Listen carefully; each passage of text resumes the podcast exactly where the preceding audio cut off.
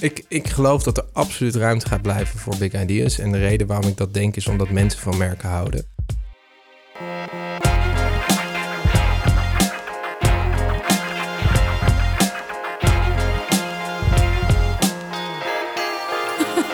This is the brief. Hallo, goedemiddag, goedemorgen, goedenavond, wanneer u dit ook luistert. U luistert naar de Brief, de podcast over content, marketing en media. Als wij dit opnemen is het vrijdag de 13e, 13 april 2018.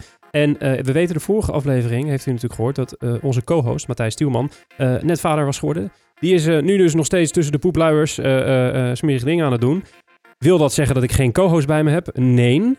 Aan mijn linkerhand, mijn goede vriend, oude bekende van de show, Nestor van de content marketing in de Benelux, Frank Goren. Dag Mark. Hoe is het om weer terug te zijn in onze zweterige studio? En dit keer niet op een maandagavond of een dinsdagavond, maar op een vrijdagmiddag. Ik heb het gemist. Heb je het gemist? Ik heb het echt gemist. Z- Hoe zijn de studio's in België? Eh, daar ben ik nog te beperkt geweest. Ehm, maar ik heb het vooral gemist omdat dit een prachtige manier is om je vak bij te houden. Redactievergaderingen, de actualiteit bijhouden. Daar is goed met elkaar over bomen. eh, altijd met interessante gasten. Dus ik heb het echt gemist. Tof.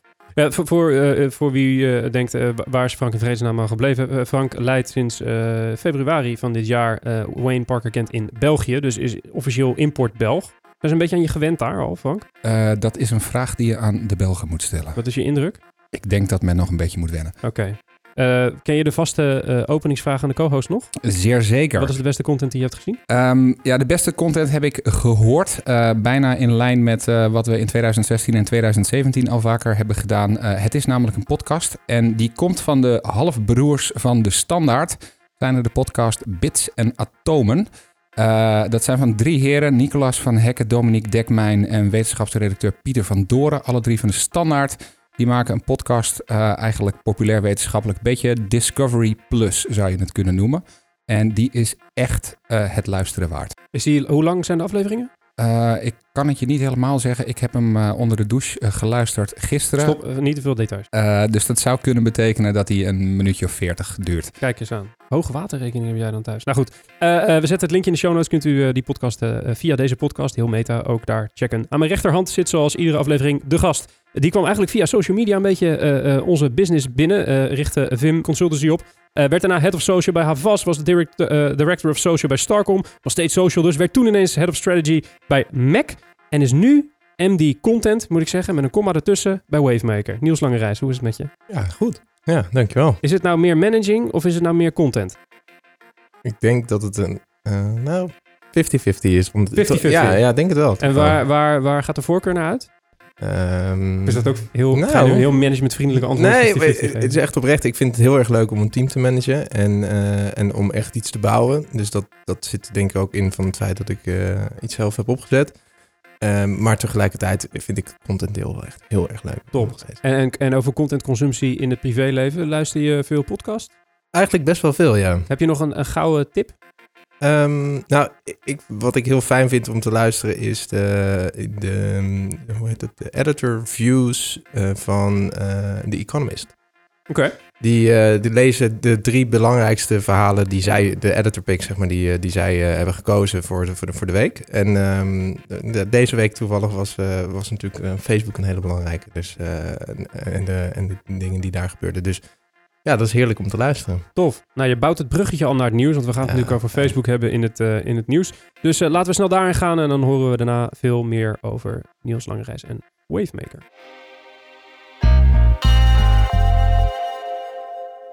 Terug in het nieuws op 13 april 2018 en waarover anders gaat het nieuws.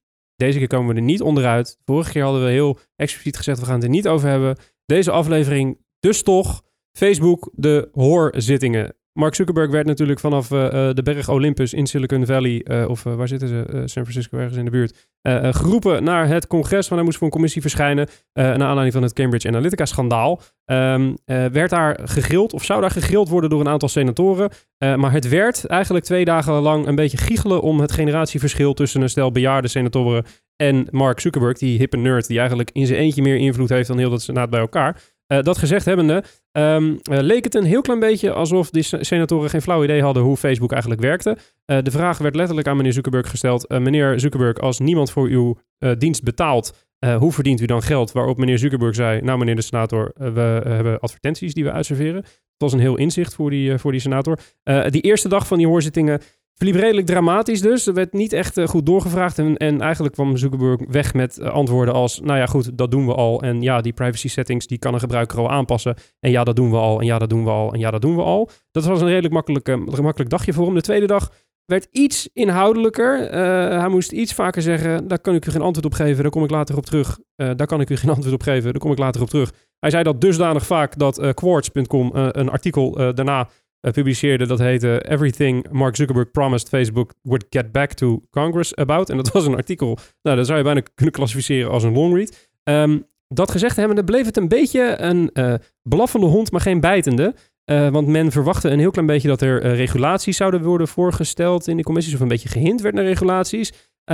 Maar de vraag rondom die regulaties werd gesteld aan Mark Zuckerberg. En ze vroegen eigenlijk aan hem, meneer Zuckerberg, zou u het eh, willen meehelpen eh, eh, om een wet of een regulatie te ontwerpen om bedrijven als Facebook te reguleren? Dus ze gingen eigenlijk aan het bedrijf zelf vragen hoe ze zelf gereguleerd wilden worden. Dat was een beetje eh, gek. Zuckerberg gaf wel aan om daar dan wel aan mee te willen werken. Wat ik ook wel weer begreep. Maar Frank, hoe, is dit een victory voor Mark en de Blauwe Reus? Of is dit een aanloop naar regulaties? Of wat, hoe moet ik dit nou zien? Ehm, of het een victory is, wil ik niet zeggen. Maar ik denk wel dat hij er redelijk makkelijk vanaf is gekomen. En ik ben bang dat dit een tijdelijk piekje in medialandschap is. En daarna dat we weer teruggaan naar de orde van de dag. Ja. Ehm, daar ben ik een beetje bang voor. En wat ik vooral heel gênant aan het verhaal vind, is niet alleen de senatoren in Amerika die zo ehm, beschamend reageerden, maar ook de re- reacties die je zowel bij regulerende instanties als bij consumenten nu ziet. Ehm, mensen doen alsof dit helemaal nieuw is, terwijl je dat toch al een paar jaar zou moeten weten. Eh, er werd door eh, alle nieuws-outlets werd er gesproken over een senator die het had over ehm, u moet uw ehm, algemene voorwaarden in het Engels en niet in het Swahili stellen. Eh, volgens mij ligt het niet aan die algemene voorwaarden, ligt het aan het lezen van die algemene voorwaarden. Dat is er één. En ik hoorde vandaag een politicus ehm, op de radio die onder andere stelde dat er in Europa wat concurrentie voor Facebook zou moeten worden opgesteld. Want dan zou de boel wel gereguleerd gaan worden. Ah, ja. Ehm, ja, dat soort reacties, zowel van politici als van consumenten, eh, die verbazen mij misschien nog wel meer dan alles eromheen. Ja, want er er was, was een, natuurlijk een grote eh, consumentenreactie verwacht op die actie van Arjen Lubach van Zondag met Lubach. Eh, waarin hij opriep om eh bye bye Facebook. eh, iedereen om eh, woensdag was het afgelopen woensdag 8 uur s'avonds zijn Facebook profiel moet, hadden ze zouden moeten verwijderen. Facebook eventje voor aangemaakt, heel meta. Eh 30.000 man op ingeschreven, 10.000 man volgens research van, van nu.nl meen ik, heeft daadwerkelijk zijn profiel verwijderd. Nou, dat is natuurlijk een druppel op de gloeiende plaat in die zin. Ehm, Niels, hoe, hoe, hoe kijk jij hier tegenaan? Jullie zijn een mediabureau, jullie doen veel met data. ongetwijfeld ook veel met Facebook. Hoe bezie jij vanuit jouw positie deze... Is het hysterie of is het een vraagstuk waar we wat mee moeten? Scherpe vraagstelling, maar toch. Ja, ehm, eh, ik denk dat het eh, deels hysterie is. En ik, voor mijn gevoel is het wel echt zo dat eh, Facebook op een bepaalde manier dit had moeten zien kunnen aankomen. Ik ben heel erg verbaasd eigenlijk vooral daarin dat Facebook niet eerder heeft bedacht van nou, misschien moeten we een soort van con- contingency, contingency gedachte hebben over eh, hoe we dit willen, hoe, hoe we zoiets willen aanpakken. Het is gewoon een PR-probleem eigenlijk. En ehm, naar mijn mening is het wel zo, ja, eigenlijk eh, wat Frank terecht zegt, is dat het, de- iedereen moet dit weten. En het feit dat je jezelf niet verdiept in eh, hoeveel per- persoonsgegevens er eigenlijk weggaan naar een bedrijf, ja, dat, dat, dat, dan is dan eigenlijk toch echt je eigen fout. Ja. Dit wordt twintig keer per dag bij wijze van spreken aan je gevraagd, ga, ga je akkoord dat je deze cookies accepteert? Ehm, eh, vind, vind je het oké als we deze content met iemand anders delen? Eh, en ja, ik snap, ik snap dat het eh, daar misschien een soort gewaarwording moet, moet komen. En dus dat, dat vind ik goed aan de hele situatie die er nu ontstaat. Want ik denk dat er veel meer bewustzijn gecreëerd gaat worden.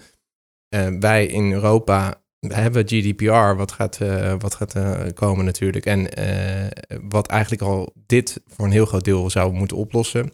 Maar ik vind ja, het, verbaast me eigenlijk dat, eh, dat, eh, dat Facebook vooral hier eh, zo lang en zo moeilijk over heeft gedaan. De antwoorden die hij ook niet gaf, waarvan we, ik gewoon letterlijk natuurlijk weet dat hij dat wel doet. Bijvoorbeeld met tracking across devices, ook als je je app niet aanstaat. Sterker nog, dat staat in het sales deck als zijnde, dit Eh, is een van onze USP's. In de Ja. USP's. En, en dan letterlijk durven zeggen tegen senator, I'm not sure. Ja, het is, is een hele grappige discussie, omdat ik, ik had echt het gevoel alsof het eigenlijk over twee verschillende dingen ging. Dat ging enerzijds over eh, hoe, gaan we, hoe gaan digitale mediapartijen met data om en advertising en dergelijke. En anderzijds ging het om de monopoliepositie van Facebook. Ja. los van die datadiscussie, is het überhaupt verstandig dat al die macht bij Facebook ligt? Eh, eh, dat vond ik wel interessant, dat je daar een soort van tweedeling in, eh, in zag. Wat ik ook wel interessant vind, is dat we, we zien uit eigen onderzoek ook dat men best bereid is data over te geven en privacy eigenlijk in te leveren op het moment dat het duidelijk is waarvoor men dat doet. Dus je zou ook kunnen stellen, moeten we niet als industrie zijnde veel duidelijker maken wat onze bedoelingen zijn, in plaats van dat we het verstoppen in 24 service agreements in, in een taal die feitelijk Engels is, maar niemand echt goed begrijpt. Ehm, eh, maar de vraag is of, of ze dat aandurven, zeg maar. Of, of, eh, of Facebook dat aandurft en men dan niet massaal eh, uitgeopt is. In je privéleven ben je opt-in of opt-out op die, of die, op die aangepaste advertising In principe opt-in. Maar ik weet wel heel bewust, ik ben natuurlijk wel bewust, ik weet precies wat ermee gaat gebeuren. Ik, ik heb ook die uitdraai gemaakt van Facebook die iedereen kan doen. Hè. Dat is dat, op zich is dat heel leuk. En daar was ik verbaasd over het feit dat KLM Nigeria bijvoorbeeld mijn gegevens heeft opgevraagd. Nou, dat is interessant eh, dat, ze, dat ze dat willen hebben. Ehm, maar het doet me niet zo heel veel. Ehm, en weet je wat, het, wat ik eigenlijk ook nog, wat ik net zat te bedenken, wat nog het meest opvallend is aan deze hele discussie, geldt ook voor eh Lubach, is dat iedereen dan zegt Facebook. Maar ze vergeten dat Instagram ook een onderdeel is. En WhatsApp ook een Ja. een onderdeel daarvan is. En daar ook gewoon data wordt verzameld. En het lijkt ook in die discussie hier ook in de, in de Senaat eh, ehm, heel erg te gaan over Facebook die allemaal verkeerde dingen zou doen. En ik geef ook eerlijk toe, 2000 tot, tot 2014 hadden ze een API en eh, de developers dingen niet goed op orde. Maar ik denk dat nu eh, dat, het, dat we er bewust van moeten zijn dat Instagram net minstens net zo belangrijk Ja. is in het geheel. Ja, ik, ik, het is een hele dood, een soort van dood, je wordt ermee doodgegooid, die quote, werd er altijd mee doodgegooid, maar als je op een platform niet eh, eh, ergens voor moet betalen, dan ben jij hetgene wat verkocht wordt. Dat is natuurlijk wel zo en als je dat gewoon in ogenschouw houdt, dan is er in mijn optiek niet zo heel erg veel aan de hand. Eh, Frank, ik zie je heel bedenkelijk kijken. Word Ja, jij het morele kompas van de... Nee, de nee, nee. Ik, ik ben het met alles wat, wat we hier zeggen, ben ik het helemaal mee eens. Ik denk wel dat we ehm, ook wel de kritische blik naar Facebook een beetje open mogen houden. Eh, op het moment dat Zuckerberg nu roept, ehm, de GDPR is een prachtig plan en dat zouden we wereldwijd moeten uitspreiden. Terwijl er miljoenen in een lobbycampagne in Brussel zijn geweest vanuit Facebook om die GDPR tegen te gaan. Ehm, en dat vind ik een beetje het probleem. Dat de, de journalistiek weet het vaak wel. Maar de regulerende instanties hadden op dat moment direct moeten zeggen met hoe kun je dit nou zeggen als jij jarenlang hier tegen gelobbyd hebt. Ehm, dus de, de diepgang mis ik een beetje in de discussie. Eh, ik ben blij dat we hier eh, iets meer erover kunnen roepen. Oké, top. We hopen dat Mark Zuckerberg... Hij luistert, iedere aflevering weten we natuurlijk. Eh, het, het tweede nieuwsitem gaat over een andere reus, een advertentiereus, een groot merk. De grootste adverteerder van de wereld, P&G, Procter Gamble. We lezen namelijk op de Wall Street Journal een interessant plan. De kop van het artikel leest P&G to bring ad holding company rivals together to form new creative agency. Frank, Ja, wat gaan ze doen? En wat is jouw mening daarover? Ehm, nou ja, ik heb dus begrepen ehm, dat ehm, meneer Pritchard van P&G heeft gezegd... eh, Publicis, Saatchi, WPP, Omnicom, allemaal samen. Eh, daar gaan we één bureau van maken. Althans, dat zijn de huidige leveranciers van P&G. Die moeten één, ja, één bureau gaan vormen genaamd The People First Agency. Die gaan daarin samenwerken en gaan dus voor P&G werken. En daar houdt mijn kennis een beetje op, Ja, ja, want voor- ik viel van mijn stoel. Ja, ze gaan, ze gaan eh, embedded eh, op de hoofdkantoren van P&G in Cincinnati en New York. eh, gaat, gaat dat bureau zich dus afspelen, de People, de People First Agency. Voelt een beetje als de P&G First Agency natuurlijk. Maar goed, goede naam nonetheless. Wat is het doel achter dit hele gedoe? Is natuurlijk kostenbesparing. Ze hebben natuurlijk volgens mij vorig jaar al van 6000 bureaus waar ze wereldwijd mee werken naar 2500 bureaus gegaan. Nou, dat scheelt al heel wat.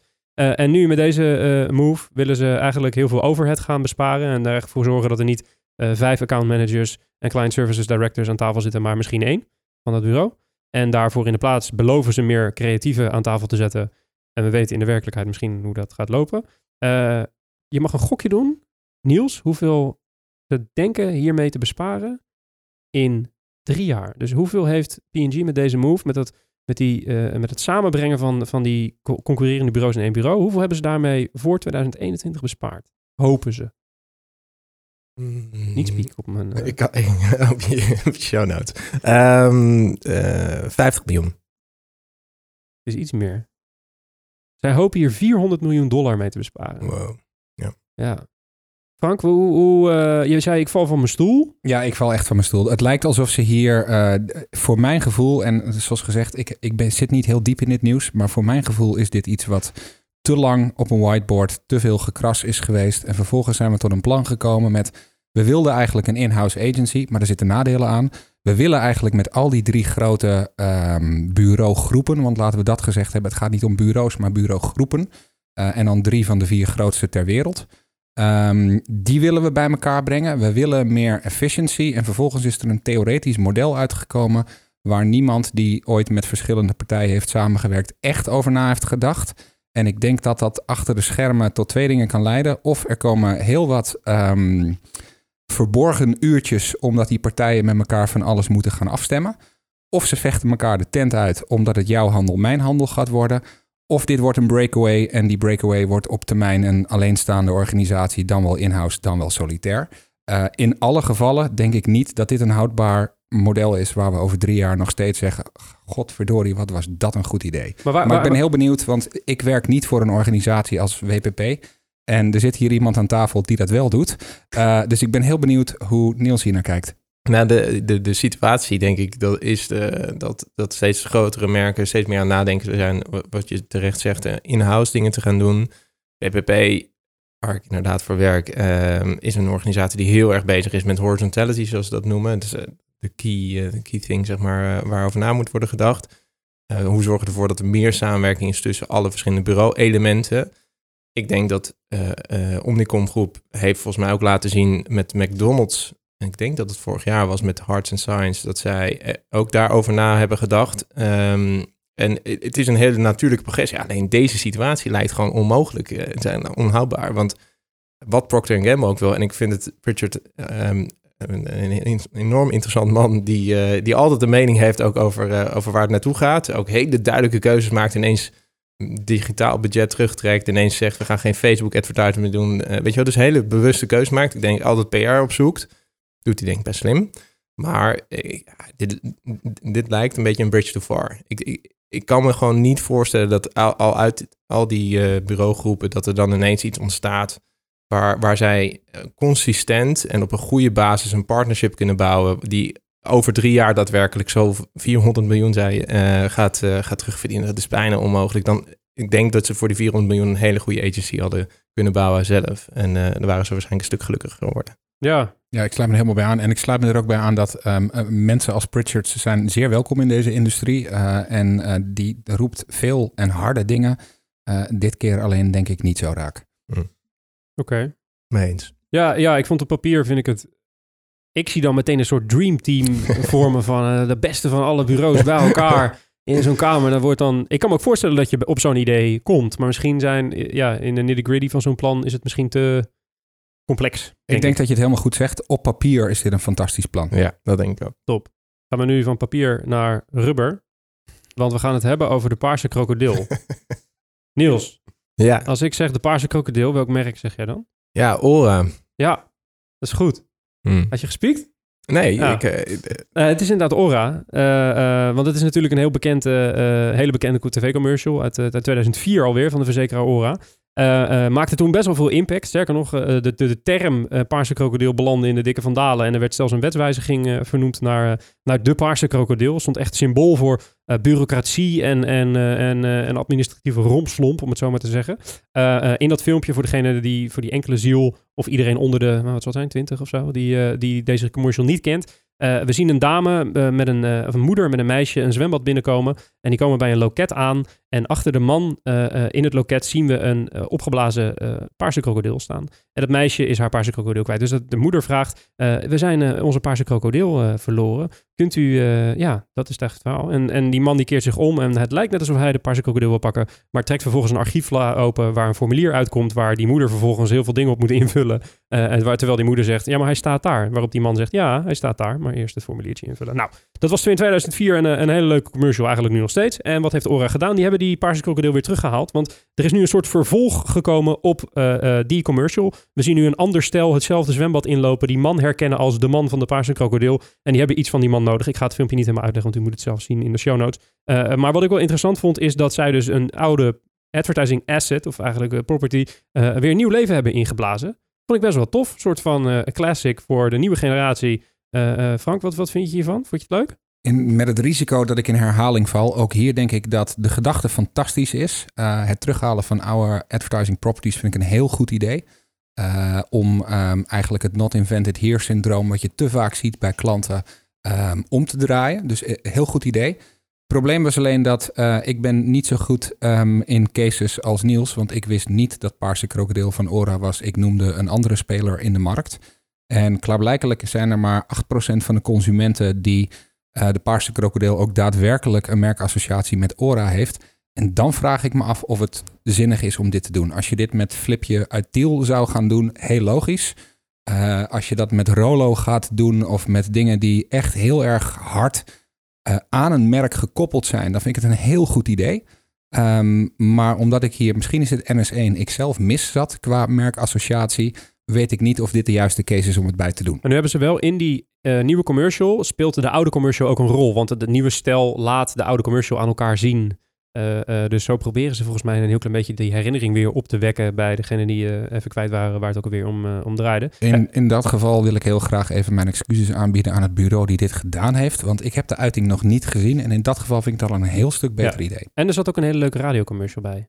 Eh, waar- waarin ze het woord krokodil eh, wegpiepten. En dan moest je insturen, weet u nog waar dit over gaat? En dan eh, was echt eh, geestig gedaan. Niels, heb je het gezien? Ik heb het ook zelfs gezien, inderdaad al. Ehm, ik, ik, ik moet zeggen dat de associatie was dus inderdaad wel meteen. Want ik weet nog wel dat het een, zelfs een wetsvoorstel Ja. onderdeel is geweest. En je, nou, dat dat ergens voor staat is natuurlijk mooi. Dat je een soort van onderdeel wordt van de Nederlandse samenleving op die manier. Dus dat is natuurlijk knap. En daar kan je best wel trots op zijn als, als bedrijf en als merk. En ehm, ik, ik hoop vooral dat dit dan niet betekent dat dit dan de enige campagne is die ze op deze manier gaan doen. Maar dat ze dan vervolgens zeggen: Oké, maar dit is dan waar we voor staan. Weet je, Mhm. dit is wat we uit de wereld willen helpen. En dit is onze oplossing voor, voor Nederland. Om, om minder bureaucratie te hebben. En dat is op zich nou, is een nobel streven. Ik denk dat dat goed past, ook bij, bij de huidige, huidige gedachte. Ehm, aangezien het 8% is, vind ik het wel een heel groot risico wat je neemt. Want eh, dat, ik ga ervan uit dat dat onderzoek daarvoor is gehouden. Ehm, maar eh, dan vind ik het een groot risico. En inderdaad is het dan eh, goed dat ze het filmpje wel laten zien. Maar tegelijkertijd denk je, oh ja, ik herken het. En, en dan zie je dus, die paarse krokodil staat daar ook daadwerkelijk nog steeds. Dus dat is op zich Ja, wel leuk bedacht. ook, helemaal- ja. ja, dat is wel leuk bedacht. Ehm, eh, en, en de man is hetzelfde. Dus ze hebben er allemaal best wel veel dingen in gedaan die, die kloppen. Ja, ik, vooral voor mijn gevoel moet je dan dit nu heel hard door gaan voeren. En dan moet je gaan zeggen, oké, dit is waar Ora eh, dan eh, ook voor bekend gaat staan de komende zoveel jaar weer. Ja. ja, ik vond het wel bijzonder, want ze hebben onderzocht niet alleen of men nog een merkassociatie had bij die Paarse Krokodil, maar ook qua thema's waar men aan moest denken als men hoorde Paarse Krokodil. En daarin kwamen bureaucratie, reclame, regels, procedures en verzekeringsrompslomp in hogere percentages nog wel terug. Dus men relateert het nog wel aan, aan eh, gedoe met formulieren. Dus het is misschien een thema wat ze verder gaan uitvouwen, uit, eh, wie weet. Maar eh, ik vond het een hele geestige manier van het eh, opnieuw leven inblazen van zo'n klassieke reclame. Dat betekent dat we aan het einde zijn gekomen van het nieuws. Heeft u nou iets gehoord waarvan u denkt, hé, hey, dat filmpje of dat ding waar Frank het over had of nieuws of ikzelf, dat wil ik even terugzien. Dat kan op de show notes. Eh, die kunt u vinden op wayneparkerkent.com slash podcast. Dat is een hele lange eh, URL. Daarom kunt u er met één druk op de knop in de beschrijving van deze aflevering komen. Eh, eh, en dan bent u er ook. En dan vindt u daar alles mooi op een rijtje, alle interessante dingen. Dat gezegd hebben, dan gaan we nu naar het interview. Eh, maar eerst even dit. Deze podcast is een initiatief van Wayne Parker Kent. En bij Wayne Parker Kent zijn we altijd op zoek naar talenten die ons kunnen versterken. De openstaande vacature van deze week is Content Engineer. Kijk voor alle vacatures op wayneparkerkent.com slash jobs of klik op het linkje in de show notes van deze aflevering. Ja, zijn we weer terug in de studio na het nieuws. Eh, aan mijn rechterzijde, eh, zoals gezegd, eh, de gast Niels Langerijs van Wavemaker. Niels, er is nogal wat gebeurd met jullie naam Wavemaker. Want is het nou Mac, is het nou Wavemaker? Als ik nou aan jou vraag, wat is Wavemaker en hoe steekt het nou allemaal ook weer in elkaar? Wat zeg jij dan? Ehm, nou, dan ga ik eerst beginnen met wat is Wavemaker. Wavemaker is uh, een uh, bureau in Nederland wat onderdeel is van Groep M, van WPP. Eigenlijk net wel een beetje natuurlijk naar voren gekomen. Um, en wij zijn een bureau wat zich focust op media, content en technologie. Dat staat ook zelfs in ons logo, zeg maar, op dit moment. Maar het is ook echt de vertegenwoordiging, zeg maar, van hoe wij om, kijken naar de wereld en hoe wij onze klanten proberen te bedienen. Um, de gedachte van, van Wavemaker uh, is gekomen vanuit de gedachte dat er een fusie, uh, een logische fusie zeg maar, plaats kon vinden tussen Maxis Helder en uh, Mac. De mediabureaus? Ja. Mediabureaus, sorry, excuus. Ja, is oké. Okay. mediabureaus inderdaad. en op een wereldwijd niveau. Um, en waarbij er gezegd is, nou, culturally klopt, klopt het heel goed. En we hadden best wel veel even elementen die zeg maar heel gelijk stonden met elkaar creativiteit was ook altijd al een onderdeel, uh, ook bij Max Helder, wat, wat van belang was. Um, en uh, eigenlijk is gezegd van nou, jullie, uh, jullie gaan fuseren en we gaan daar een nieuw bureau van maken, maar echt helemaal nieuw. Dus we gaan niet zeggen, in, hè, we zetten de afdeling erbij. Nee, het wordt volledig opnieuw opgebouwd en we gaan eigenlijk vanuit die gedachte gaan we een nieuw bureau bouwen op de basis van de drie pilaren. En, um, en mijn onderdeel is, is content. Um, wij uh, hebben een afdeling van 25 man binnen, binnen de organisatie. En die zijn volledig geïntegreerd dus ook binnen het geheel. Uh, zitten ook echt naast elkaar, naast de media managers, naast de um, mensen die performance doen, naast de technology mensen. Dus dat is heel, maakt het heel interessant, heel dynamisch. En ik denk dat wat wij, wat, wat belangrijk is in de vraag, zeg maar, waarom het Wavemaker is geworden, is dat toen wij de, de fusie werd aangekondigd, toen was nog niet meteen de naam bekend. Ik zou zo over na gaan denken. En uh, ik was uh, toen op dat moment verantwoordelijk voor Mac Wavemaker. Dat was een, een label wat al bestond en dat was gegeven aan de contentafdelingen van een, een aantal markten in de, in, de, in, de, in de wereld. Er waren op dat moment twintig markten die die naam droegen. En um, toen uh, hebben ze eigenlijk gezegd, ja, maar Mac Wavemaker voor staat, dat is eigenlijk, het representeert zoveel van de onderdelen waarvan wij denken dat het in de toekomst belangrijk wordt. Waar echt technologie en media een heel ja, natuurlijk geïntegreerd element waren. Dus we hebben toen, uh, uh, dat is eigenlijk toen geaccepteerd en gezegd van nou, nou dan moeten we met die naam verder. En, um, en dus nu, nou sinds januari zijn we officieel uh, Wavemaker. En ja, ik denk dat het een super goede stap is geweest. En, en dan kan ik me voorstellen, je, je hinterde net al een heel klein beetje naar. Je, je komt eigenlijk met die twee mediabureaus en jij hebt dan Wavemaker onder je hoede waar dan de creatieve content mensen zitten. Ik chargeer een heel klein beetje, ja. maar uh, dan krijg je heel veel bloedgroepen een heel klein beetje bij elkaar. Hè? De, de data-analysten, de media-planners, de creatieve jongens die zich nergens van data wat aantrekken. Hoe verliep dat proces? Is dat, is dat allemaal zo lekker vlekkeloos bij elkaar uh, geïntegreerd? Of waren er toch een beetje een paar hiccups in het... Uh... nou, de, de, ik moet zeggen dat het eigenlijk naar verhouding echt heel soepel is verlopen. We, de, de mensen van Max Helder, die ik eerder wel al natuurlijk kende, maar nog niet enorm mee bij betrokken was die passen gewoon super, passen super goed bij de, de, de cultuur en de mensen die wij hadden. En ik, wat ik denk dat gewoon heel slim is geweest, dat ze niet hebben gezegd, we gaan gewoon nog een afdeling erbij zetten.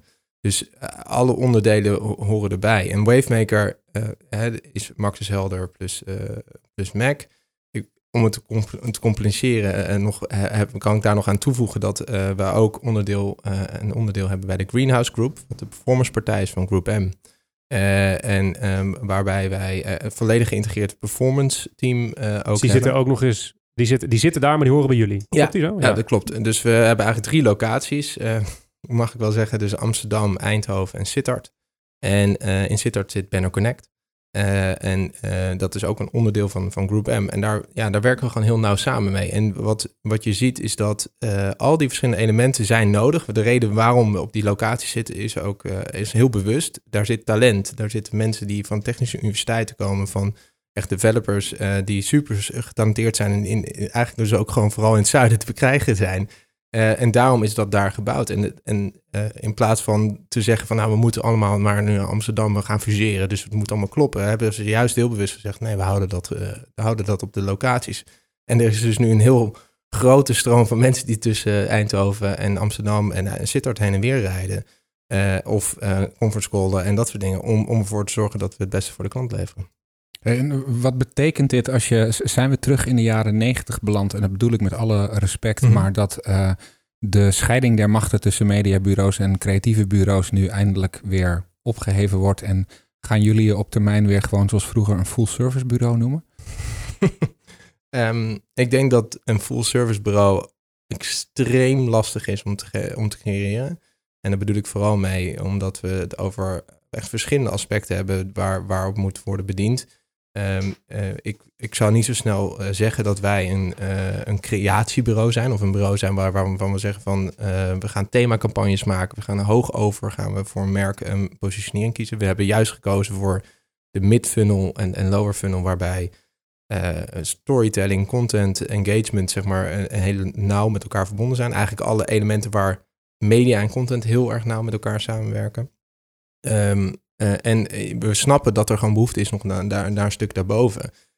Het lijkt mij heel logisch dat op een gegeven moment er, eh, in de gedachten waar we het eerder over hadden met horizontality, dat er steeds meer structuren komen die gewoon voor merken, dan voor klantspecifiek, dan wel eh, op, op bureauniveau wordt gezegd, nee, dat gaan we proberen samen te bundelen om het beste voor de klant te leveren. Omdat daar natuurlijk efficiënties in zitten, dat Mhm. is een hele logische. Maar ik denk dat, ehm, dat de wereld waar we naartoe gaan met eh, de technologie van, van, van, eh, die in ontwikkeling is en, en data, eh, dat, we, ehm, dat dat ook veel meer connected is. En heb je dan een, een bepaald ehm, vlak waar jullie en de klassieke creatieve bureaus elkaar tegenkomen of eh, zelfs misschien wel met elkaar concurreren? Want je zegt de- mid- en lower funnel is waar wij sterk in zijn. Ja. Enerzijds kun je stellen, eh, een native in digital wordt steeds meer upper funnel. Ja. Eh, anderzijds kun je stellen dat de traditionele upper funnel partijen, laten we zeggen wat we vroeger de above the line bureaus noemden, dat die steeds meer aan het eh, in de funnel althans afzakken zijn naar juist ook eh, storytelling, native, alles wat daarmee te maken heeft. Schuurt dat wel eens? Tuurlijk. Ja, absoluut. En, ik, en ik denk dat we dat ook niet uit de weg zouden moeten gaan. Het is een soort van eerlijke concurrentie, denk ik.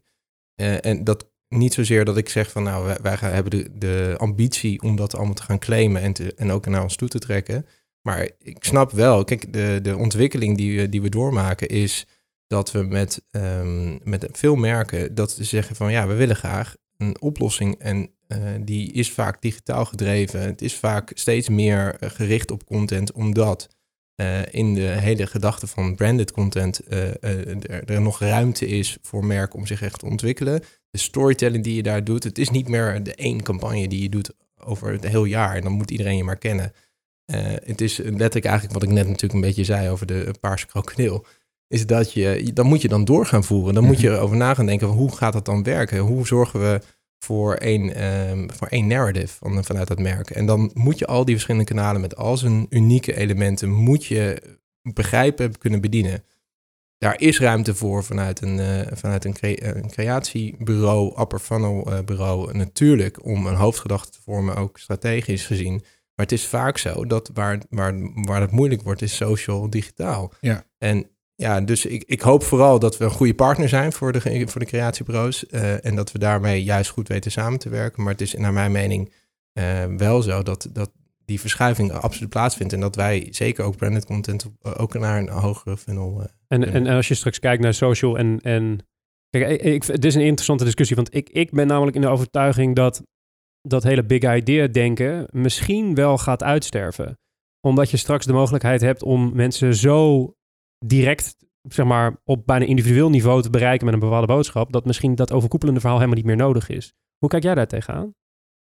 Ehm, ik, ik geloof dat er absoluut ruimte gaat blijven voor big ideas. En de reden waarom ik dat denk is omdat mensen van merken houden. Ehm, en, en, en dat bedoel ik echt in de meest vriendelijke manier bedoel ik dat. En niet zozeer van, oh, het is een religion of zo. Maar naar mijn mening zijn, hebben mensen een bepaald gevoel bij een merk en vinden ze dat, eh, vinden ze dat fijn. Ze, ze hebben daar ook behoefte aan. Ik snap zeker dat loyaliteit een eh, heel erg rekbaar begrip is. En zeker in de tijd van tegenwoordig.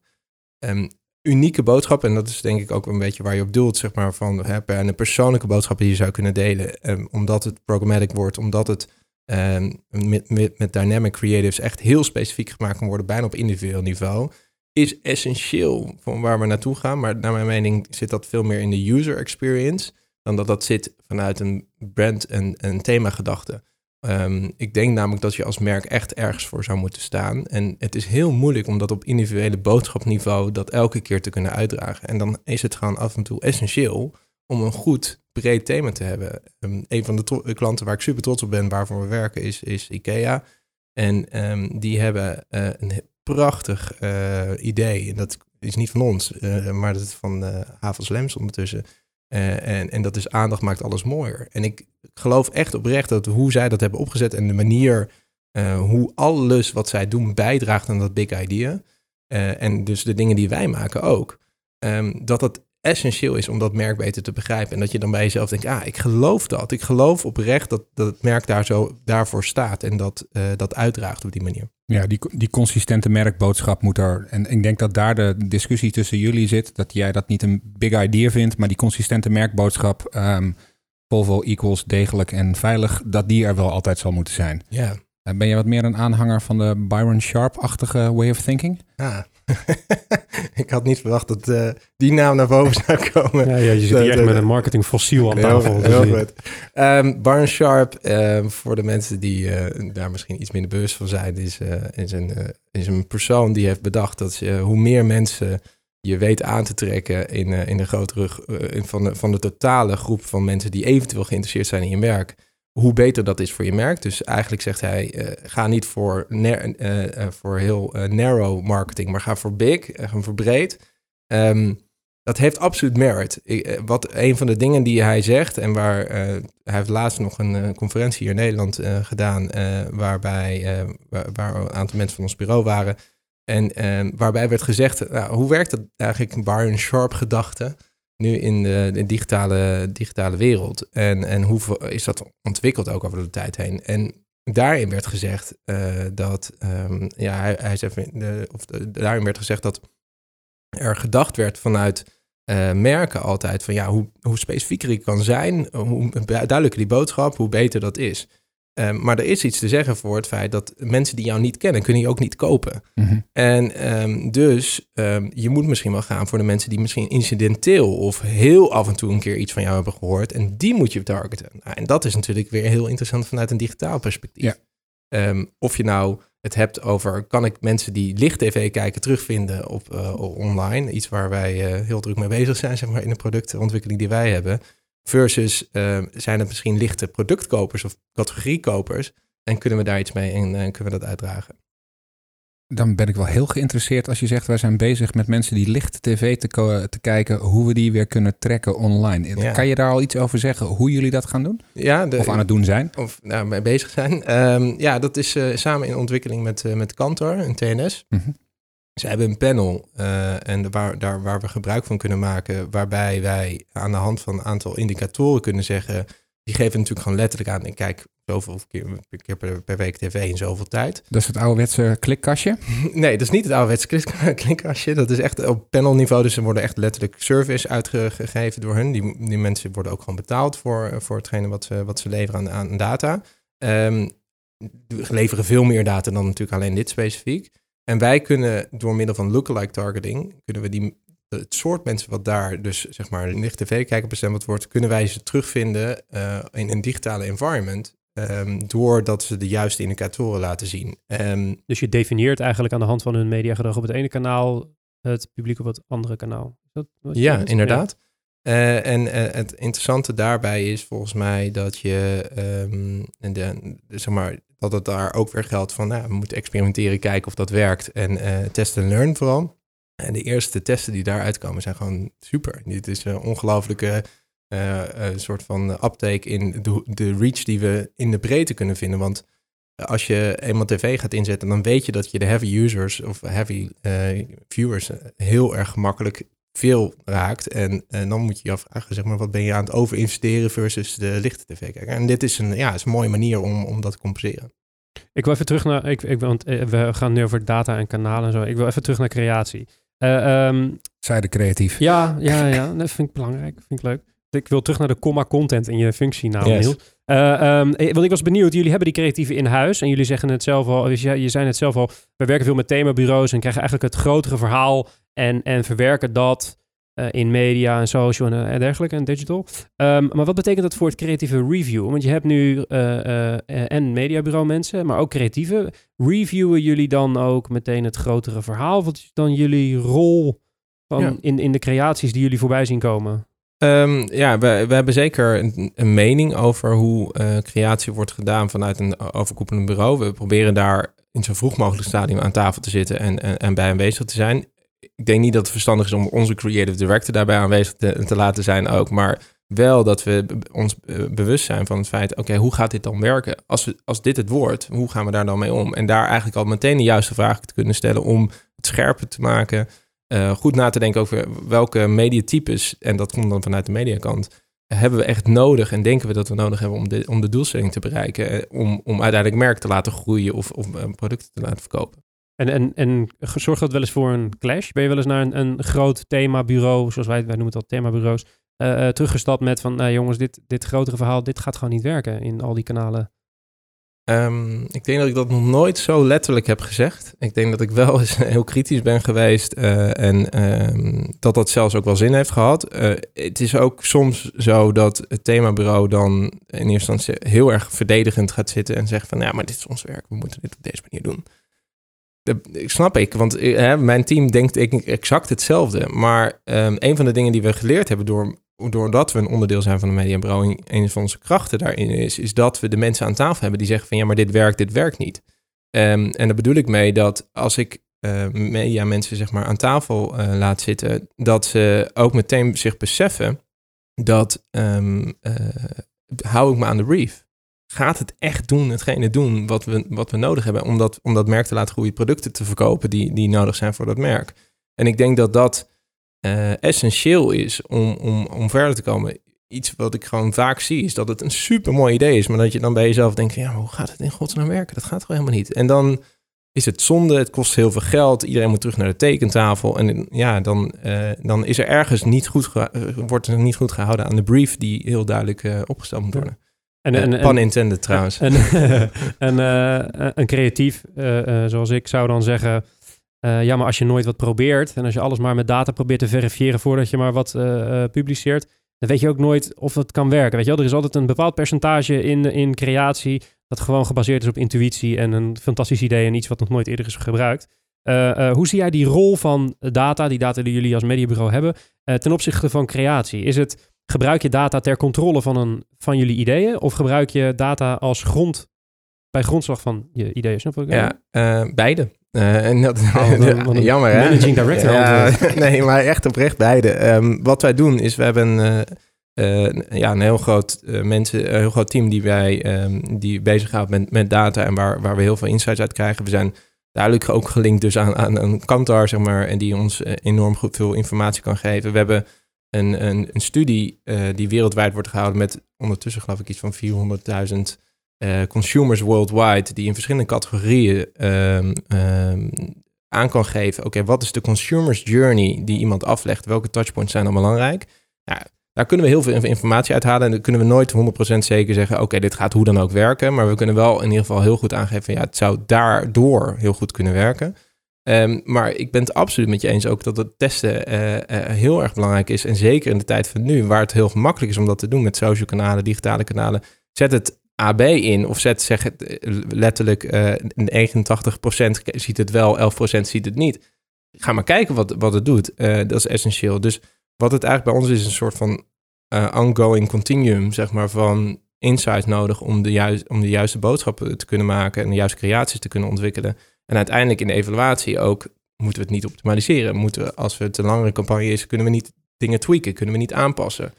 Uh, en, uh, en dan vervolgens de juiste stappen weer nemen naar de volgende. Dat betekent dat, wat ik, ben ik benieuwd naar wat voor soort creatieve, uh, betekent dat dat je een ander soort creatieve aanneemt? Want die moeten ergens toch ook wel een beetje begrip hebben voor die datakant. Het moeten niet art directors zijn en, en copywriters die vanaf een berg dingen naar beneden gooien en zeggen: Dit is fantastisch, gaat er nou maar mee doen. Ja. Die moeten een beetje wat opener staan voor andere disciplines, kan ik me voorstellen. Ja, enorm. En uh, daar heb ik ook echt super veel respect voor bij, bij het team die, die op die manier durft in te staan. En ook, uh, ik, toevallig zag ik vandaag nog een quote, en ik pin me er niet op vast wie het precies was, maar die zei: uh, 90% of a creative's life is failure. En, uh, is, uh, en, is, en bedoelen ze letterlijk mee dat je maar 10% van de gevallen wordt het geaccepteerd wat je doet. En, en, en, moet je daar verder mee. En ik denk dat uh, als je dat kan vangen in de gedachte van oké, okay, het kan ook data zijn, wat teruggeeft dat het failure is. dan is het oké. Ik denk dat je dan, eh, dat, eh, het zijn sowieso bijzondere mensen die, die, die eh, een ander soort bloedgroep, zeg maar, die, die zich daarmee bezighouden. En ik denk bij ons nog bijzonderder, omdat je naast letterlijk een planner kan zitten die iets aan, het- aan het creëren is voor een tv-plan. En dat jij, waar jij misschien een hele kleine bijdrage aan hebt of helemaal niet. En die zit toch naast je. En die- daar moet je eh, van snappen dat het heel belangrijk werk is wat Ja. ze doen. Is er naast die bureaus naast elkaar zetten nog iets anders wat jij als leider van nou ja, de- die specifieke contentdivisie, iets wat je als leider kan doen om die kruisbestuiving te, te stimuleren? Zeker. Eh, volgens mij door heel veel sessies te organiseren, door heel hard te gaan zitten op het moment dat dat niet werkt. Op het moment dat je terugkrijgt van, hé, hey, eh, ja, we krijgen wel heel veel eh, eh, feedback hierover. Dat je die mensen, zeg maar, probeert te stimuleren om, om elkaar vaker op te zoeken. En ehm, juist dat nog een keer te laten doen. En voor, naar mijn gevoel is daar ehm, ook in, in, de, in de Nederlandse crea- creatieindustrie ehm, vaak, is dat vaak heel erg lastig. Mediabureaus en creatiebureaus, als die gescheiden zijn, die zitten misschien eens in de zoveel tijd bij elkaar. En wij moeten letterlijk met elkaar door één deur de hele dag, elke dag. En ehm, dus dat, die relaties moeten groeien. En de beste mensen die wij hebben, zijn de mensen die echt precies op die scheidslijn kunnen leven en snappen eh, dat eh, beide kanten enorm belangrijk Is dat de, gemeenschappelijke deler ook meteen tussen al die disciplines? Dat ze openstaan voor, of in ieder geval begrip hebben voor de wereldjes om, om zich heen? Is Ja, dat een beetje denk- een wavemaker persoon, om het zo maar te zeggen? Ja, nou, ehm, ja, Eh, het is grappig dat je dat zo zegt. Ehm, ik, denk dat, ik, ik denk niet dat ik daar op die manier ooit zo echt expliciet over na heb gedacht. Maar het is wel zo, ik heb nu, dit is mijn derde bureaurol, zeg maar, bij een groot, groot bureau-netwerk. En ik moet zeggen dat op dat punt, Mac daarvoor al, eh, die ik natuurlijk goed kende, maar eh, Wavemaker, de mensen die daar zijn, die, die snappen dat, het, dat, het, dat we enorm in versnelling zitten en dat we enorm eh, moeten accepteren van elkaar dat we aan het experimenteren zijn, dat we nieuwe dingen moeten proberen. En, ehm, en daar dus inderdaad die creatiekant, je moet accepteren dat er soms iemand door de gang aan het rennen is en heel hard aan het gillen is omdat hij heel even zijn frustratie kwijt moet. Omdat hij net iets eh, op te horen heeft gekregen dat iets niet werkte. Of eh, dat die bol uit de hand loopt omdat eh, even ander soort muziek wordt opgezet. En ik denk dat dat iets is, zeg maar, wat, wat echt wel de wavemaker persoon typeert. Ja. Na afloop praten we even over de definitie van ander soort muziek. Hey, de, de- wel een andere vraag die ik nog heb. Je ziet hè, dat de, de, de, ehm, eh, het type creatief is veranderd of heeft zich moeten veranderen, omdat hij op data gedreven eh, zal moeten kunnen acteren. Ja. Ehm, zie jij ook een verandering bij je opdrachtgevers daarin? Want het betekent ook dat je opdrachtgevers anders moeten denken, anders moeten evalueren, anders moeten analyseren, andere input moeten leveren. Zie je daar ook grote verschillen in ten opzichte van, laten we zeggen, tien jaar geleden? Ja, enorm. Echt enorm. Ik denk dat het, eh, ja, dat is eh, een heel belangrijk punt. Ik denk dat de, de beste merken, de beste teams in die merken, ehm, eh, die, die snappen dat het deze kant op gaat. Die zijn, hebben daar begrip voor en proberen dat ook te stimuleren. Die zeggen ook gewoon net, ik wil die evaluatie doen. En ik wil vervolgens daaruit concluderen wat we dan hierna gaan doen. En eh, hoe vaak het niet voorkomt waarbij vroeger het zo was van, ja, het is een, een CMO of een marketing manager die gewoon zegt, ik vind het zo cool. Ja, dit is, zo, hè, dit is mijn, mijn Het, soort het van sportsponsoring probleem. nou, het sportsponsor, ja, letterlijk denk ik dat dat een, een ding is. En, ehm, en ja, ik weet niet echt precies wat het effect is, maar ik vind het zo cool eruit zien. Ja. Eh, En mijn budget moet erop. ja, mijn budget, mijn budget moet op. eh, ja, en eh, festivals, iedereen doet toch tegenwoordig festivals, dat moeten we gewoon doen. Maar dan heb ik wel iets waar ik mijn vrienden mee kan nemen, weet je wel. Eh, dat, ja, precies. Ehm, absoluut. En volgens mij, er zijn gewoon een aantal merken waarvoor we werken, waar ik heel trots ben op, op de relatie die we kunnen bouwen met een soort van partnership waar iedereen snapt, oké, deze kant moet het op. En, ehm, en dat dus ook fouten die worden gemaakt, ook niet zo hard worden gecorrigeerd en wordt gezegd van nee, dat moet niet. Eh, een van de dingen, ik noemde net toevallig IKEA al, maar is dat eh, wij de afspraak met hun hebben, is dat de 10% van onze tijd gewoon mogen experimenteren. Mhm. Dat betekent dat mijn, mijn creatieteam en de mensen die erop werken, ehm, dat die eh, heel erg bezig zijn met, ehm, met eh, wat kunnen we nog meer doen en wat kan anders. En, we- en we hebben toevallig laatst een campagne gedaan voor Valentijnsdag op Giphy. Eh, de, een website voor, voor gifjes, eh, voor de mensen die het niet weten. Ehm, en daar hebben we ehm, gifjes live gezet. En gewoon binnen een week hadden gewoon meer dan 4 miljoen mensen wereldwijd hadden die gifjes gezien, gebruikt en iets mee gedaan. Ik had me daarvoor nog nooit voorgesteld dat dat misschien een manier was om inderdaad ook mensen naar binnen te trekken. En, en wat moet ik me daarbij voorstellen? In plaats van dat ik tegen Mark uh, een mailtje stuur met vandaag je, krijg je dan een gifje te zien waarin ik inbussleutels naar hem gooi? Ja, exact. het, is eigenlijk exact, het is eigenlijk exact dat. En experiment, uh, experimenteren, uh, daarmee zeg je eigenlijk KPI-loos spelen, produceren. Ja, uh, en, en natuurlijk uh, moet het bijdragen aan dingen. We hebben vorig jaar voor Moedersdag uh, voor IKEA hadden we bedacht van nou, we gaan een, we willen iets heel graag iets doen voor Moederdag. En we moeten ze even nadenken of we niet iets kunnen doen aan al die creatiemensen. En daar bedoelen we de kleine kindjes mee, die allemaal mooie dingen maken voor hun moeder en heel trots erop zijn. En die moeders zijn er trots op. Dat zijn toch ook mensen die we zouden moeten belonen en trots op moeten zijn vanuit een gedachte van IKEA. En um, toen hebben we een online video gemaakt waarbij we met behulp van uh, Havens Lems uh, hun manier van, van denken en scripting een, een video hebben ontwikkeld die online gold. Um, en muziek ook van de normale tvc's van Ikea eronder gezet. En, en dan zie je dus in plaats van de, de designer van Ikea, zie je dus nu een, een, ja, een kleine, hij heet Chibbe. of nee, ja, Chibbe, ja, zo heet hij. uh, die, uh, die, dat was de designer van Ikea. En die stond daar dan heel stoer. Zeg maar. stond hij, ik zal uh, in het, even het linkje doorsturen. Maar de grap is dat toen binnen de organisatie was, was iedereen zo enthousiast erover... dat iedereen dacht van, ja, wauw, dat moet gewoon op tv. Dus toen hebben ze ineens alle video, eh, de tvc's teruggetrokken voor die, die dat weekend van moederdag zou gaan lopen. En toen zei ze, ja, deze video gaan we, moesten ineens een kat maken naar 30 seconden. en dan moest ineens live. Dus ja, en dat is, dat is denk ik echt anders. Ik geloof echt oprecht dat als je zo'n soort organisatie zit, dat dan ja, ja, ineens de, die kant heel erg goed wordt belicht vanuit, uh, vanuit het merk. En je zei net, uh, IKEA geeft ons 10% van onze tijd om te experimenteren. Hmm. Dat levert eigenlijk twee vragen op. Maar de belangrijkste is misschien wel, doen ze dat ook met 10% van het mediabudget? Of gaat het alleen om jullie uren? Nee, uh, dus ze hebben, zeg maar, ze hebben ongoing mediabudget. en, en dus voor zo'n uh, zo'n tv-commercials weten dat het al loopt. Dus daar, daar kunnen ze redelijk makkelijk weer switchen. Maar ze hebben ook ongoing social budget. Dus ze weten van, nou, er is een budget beschikbaar. We kunnen altijd iets nieuws live zetten. Of we houden gewoon hetgeen aan wat we, waar, we, waar we mee bezig waren. En dat, dat gaat dan vanaf dat moment lopen. Ja, ik heb letterlijk, eh, kan ik ook zeggen, dat we een campagnes hebben gemaakt die echt nergens op sloegen. En uiteindelijk gewoon niks hebben opgeleverd. Als in, um, wij dachten dat het super goede insight was en het klopte. Iedereen wat bij IKEA was enthousiast, maar consument vond het gewoon niet zo. Nou, dan moet je dat ook accepteren en zeggen: Oké, de volgende keer moeten we dat anders doen. Dan kan je terug met het adagium: uh, We hebben niet gefaald, we hebben geleerd vandaag. Ja, absoluut. Ja, zeker. Ja. Uh, we zijn uh, met deze mooie wijsheid van marketing Yoda, Frank Goren, zijn we aangekomen op onze vaste slotvraag. Dat is namelijk Niels, wat is de beste content die je de afgelopen tijd gezien hebt? En zou ik je willen uitdagen om misschien niet iets te kiezen wat je jezelf hebt ah, gemaakt. heel of goed. Of misschien allebei als je het nee, nee, wat mee ik, uh, ik denk dat uh, ik zou graag twee dingen willen noemen. Mag. Mag. Um, is dat uh, één waar ik gewoon echt super enthousiast van word, is een Instagram-account en die heet de Demotivational Speaker. Ik weet niet of je daar wat van gehoord Nee, maar ik schrijf hem meteen op. en dat zijn dus alleen maar demotivational quotes. Ja, en die zijn gewoon echt fantastisch. Dus iedereen die, die dit luistert, die zou gewoon even moeten kijken. Want je wordt, je, je, je wordt er heel gelukkig van door verdrietig te zijn, zeg maar. dus, uh, dus dat is een hele lekkere. En een ander ding wat ik, uh, wat ik in mijn hoofd zit, is dat ik uh, ben een groot fan van Gary Vaynerchuk. al heel lang. En nou, die man die blijft zich maar ontwikkelen. Die heeft Vayner Media opgezet. heeft ooit in zijn hoofd gehaald dat hij, dat de Jets wil kopen. De New York Jets, American voetbalteam. Dat is zijn droom en daar gaat hij achteraan. En hij is, wordt dus nu, hij is zo iemand die de hele dag wordt gevolgd als een quote staan online. Hij is een soort van, uh, van uh, inspirational speaker, letterlijk, denk ik. Maar uh, heel erg duidelijk in, in zijn bewoordingen.